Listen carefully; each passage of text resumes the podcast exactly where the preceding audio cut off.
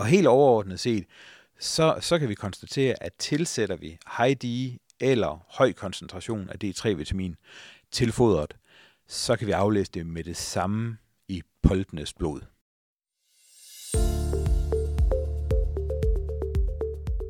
Du lytter til en podcast fra Griseproduktion.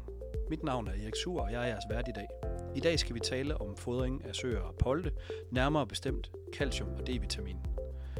Og for at gøre os lidt klogere på det, har jeg inviteret øh, chefkonsulent Thomas Brun fra Sikkes Innovation. Vil du ikke lige sådan kort prøve at præsentere dig selv, Thomas? Jo, jeg hedder som sagt Thomas Brun og har arbejdet i, i Sikkes Innovation siden 2010. Det er godt 13 år.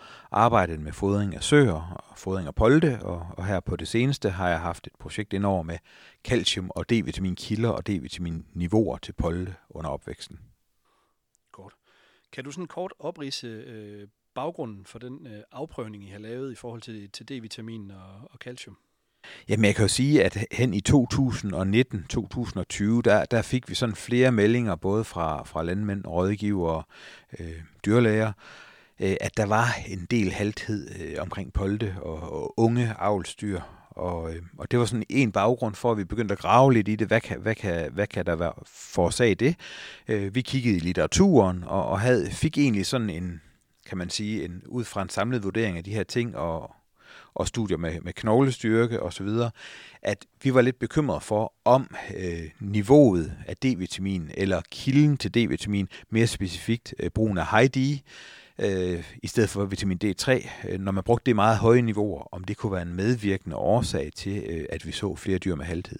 Samtidig med havde vi også lidt en mistanke om, at for meget calcium i fodret kunne være en, en medvirkende årsag, og måske i, i, i bund og grund en vekselvirkning mellem de to faktorer kunne, kunne gøre, at der var flere polte, øh, der udviste tegn på halthed det var sådan en baggrund for, at vi egentlig øh, kom med en udmelding, og, og det satte så gang i tankerne om at lave et projekt, hvor vi skulle undersøge det her til bunds.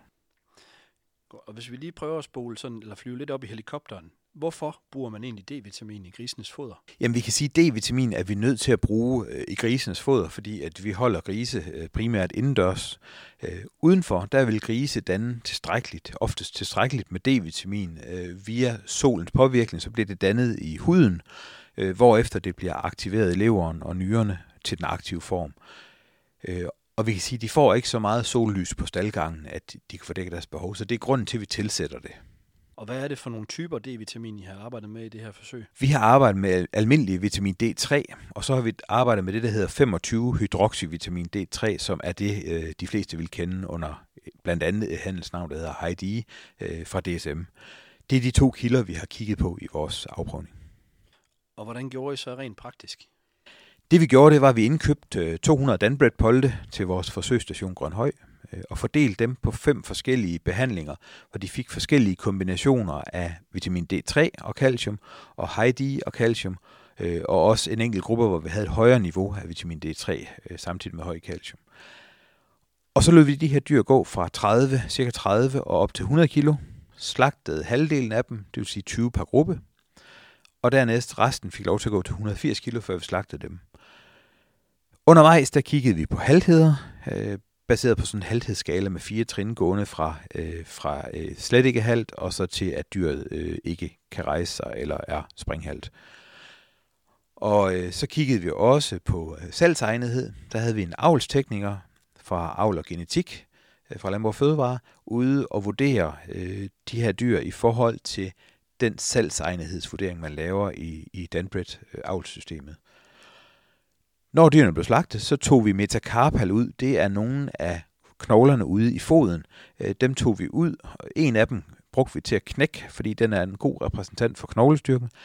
Den anden, den øh, brugte vi til foraskning for at bestemme knoglernes mineralindhold. Det vil sige, så kunne vi udtale os om knoglernes styrke og sammensætning. Så tog vi nogle blodprøver og nogle urinprøver for at kunne udtale os om D-vitamin niveauer og, og, og, og andre knoglemarkører og udskillelsen af calcium og fosfor. Den her øh, store afprøvning, er det noget, Sikkes Innovation har gjort alene, eller hvordan, hvordan ser det ud? Nej, øh, afprøvningen er lavet øh, dels for, for afgift af Svineafgiftfondens øh, midler. Øh, vi har fået tilskud til det. Og så har DSM været øh, en rigtig god og aktiv projektpartner i at både designe og, og få gennemført forsøget, hjulpet, bidraget betydeligt med analyser af både foder og, og hvad hedder det, blod. Og så har Aarhus Universitet, professor øh, Søren Krog Jensen deroppe, Torben Larsen, seniorforsker deroppe, har vi haft med ind over også til den analytiske del. Øh, og postdoc Takele Fiera, han har været rigtig aktiv. Han har brækket en masse knogler for os. Godt. Og hvad, hvad er de væsentligste resultater? Øh, hvad, hvad, hvis du skal riste dem op, hvad, hvad fandt vi så? Jamen, man kan sige, at det, det væsentligste resultat, det var jo, at der var ikke forskel i knoglernes brudstyrke på tværs af de her forskellige kombinationer. Øhm, der var heller ikke forskel, væsentlig forskel på knoglernes mineralindhold. Øh, og det vil sige, at vi kan sige, at, at uanset om man anvendte normen for D-vitamin, som er 800 enheder per, per fodenhed, eller man brugte et højt niveau, som var 2000 enheder, eller man brugte 2000 enheder high D per kilo foder, så udgjorde det ikke nogen forskel i forhold til knoglernes brudstyrke og, og nævneværdig forskel øh, i sammensætningen. Det skal så måske siges, at, at når man bruger øh, enten 2.000 enheder vitamin D3 eller 2.000 enheder HID, så opnår man betydelige øh, ændringer af D-vitamin, altså dyrets D-vitamin status udtrykt for, hvor meget aktivt vitamin D3, altså 25 hydroxyvitamin D3, har poltene i deres blod. Øh, der kan man sige, at det kan vi øge meget effektivt ved enten at øge koncentrationen, men endnu mere, hvis vi skifter D-vitaminkilde og vælger high D. Så, så der var nogle betydelige effekter, men, men det var ikke noget, der blev afspejlet på, på, øh, på knoglerne. Okay. Er, er der noget, der overraskede, sig, overraskede dig i de her resultater? Man kan sige, at vi havde jo en, en indledende hypotese om, at, at vi ville få øh, mere halthed, når vi brugte den her 25 hydroxyvitamin D3, øh, og at vi vil på, måske øh, ud fra to tidligere studier få en, en lavere knoglestyrke. Øh, det fandt vi ikke, øh, og det er jo i princippet øh, rart at vide, at, øh, at der ikke er nogen forskel. Det vil sige, når vi har brugt det her, så, så skal vi ikke vælge produkt efter øh, en bekymring omkring knoglerne. Og det leder mig frem til, til mit næste spørgsmål. Øh, hvis man som landmand skal skal overveje at bruge den ene eller den anden type D-vitamin, hvad skal man så gøre? Jamen, man kan, jo, man kan jo stille sig selv et spørgsmål, at når det ikke har gjort nogen forskel, øh, så skal man ikke vælge det ud fra en forventning om, at det, det gør noget ved knoglerne. Så skal man øh, bruge andre bevæggrunde som immunitet eller reproduktion eller noget i sin vurdering. Øh, og der er man nødt til at være nuanceret og så ligesom sige, at, øh, at, at hvis nu polten og søerne får samme blanding, og man gerne vil have den gavnlige effekt, som for eksempel min kunder, øh, kollega Gunnar Sørensen fandt, øh, at at ved at bruge high D til, til, til drægtige søer, så så, og digivende søer, så så man en højere kuldtilvækst øh, og en, en signifikant forøget antal fraværende grise per kuld. Så må man konstatere, at hvis man gør det, øh, så kommer den mere omkostning til det. Den kommer også til at ramme poltene, hvis man bruger samme foderblanding eller samme mineralske foderblandinger. Så man skal simpelthen se det lidt i et større perspektiv. Har man nogle bevæggrunde for at anvende det? Øh, fordi hvis ikke man føler, at man har nogle bevæggrunde, og det hele det kører rigtig godt, og man har en lav sodødelighed og, og høj produktivitet øh, på øh, blandinger, der kører på normen på D-vitamin, så er der jo ikke meget øh, fagligt argument for at skifte ud, medmindre man kan få noget ekstra øh, på, på andre parametre end på knoglerne så kan man selvfølgelig overveje at, at skifte kilden øh, ud til 25 hydroxyvitamin D3, eller man kan øh, vælge at øge koncentrationen.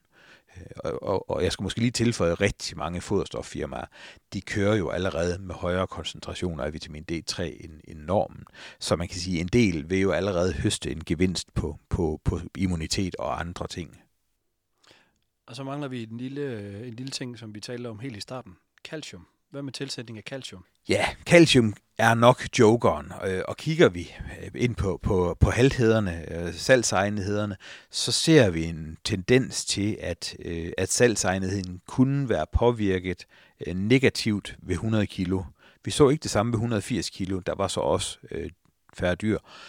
Men, men, det, men det man kan sige, når man kigger på salgsegnetheden, det er jo sådan en overordnet vurdering af, hvordan går og bevæger dyr sig, og, og, og, og hvordan er gangen. Øh, Øhm, og, og, og der kan vi sige, calcium kunne være jokeren. Vi ved fra de målinger, vi lavede, at når man kører højt calcium i fodret, så nærmer fosforudskillelsen sig meget kraftigt et rent nul. Og det vil sige, at de her dyr, de faktisk bruger alt det fosfor, stort set de optager, når de får højt calcium. Det kunne være en indikation af, at der dannes nogle uopløselige salte nede i tarmen, så det fosfor, dyrene faktisk skulle absorbere, det ikke er tilgængeligt for dem. Så calcium kunne være jokeren, øh, og derfor anbefaler vi, at man ikke skal tilsætte mere calcium, end normerne foreskriver. Og der skal man tage højde for den fytasedosis, man bruger, og så skal man lade være med at bruge overskud af calcium, fordi at risikoen for, at dyrene øh, i godsøjen oplever en, en mangel på fosfor, den øges bare ved et overindhold på calcium.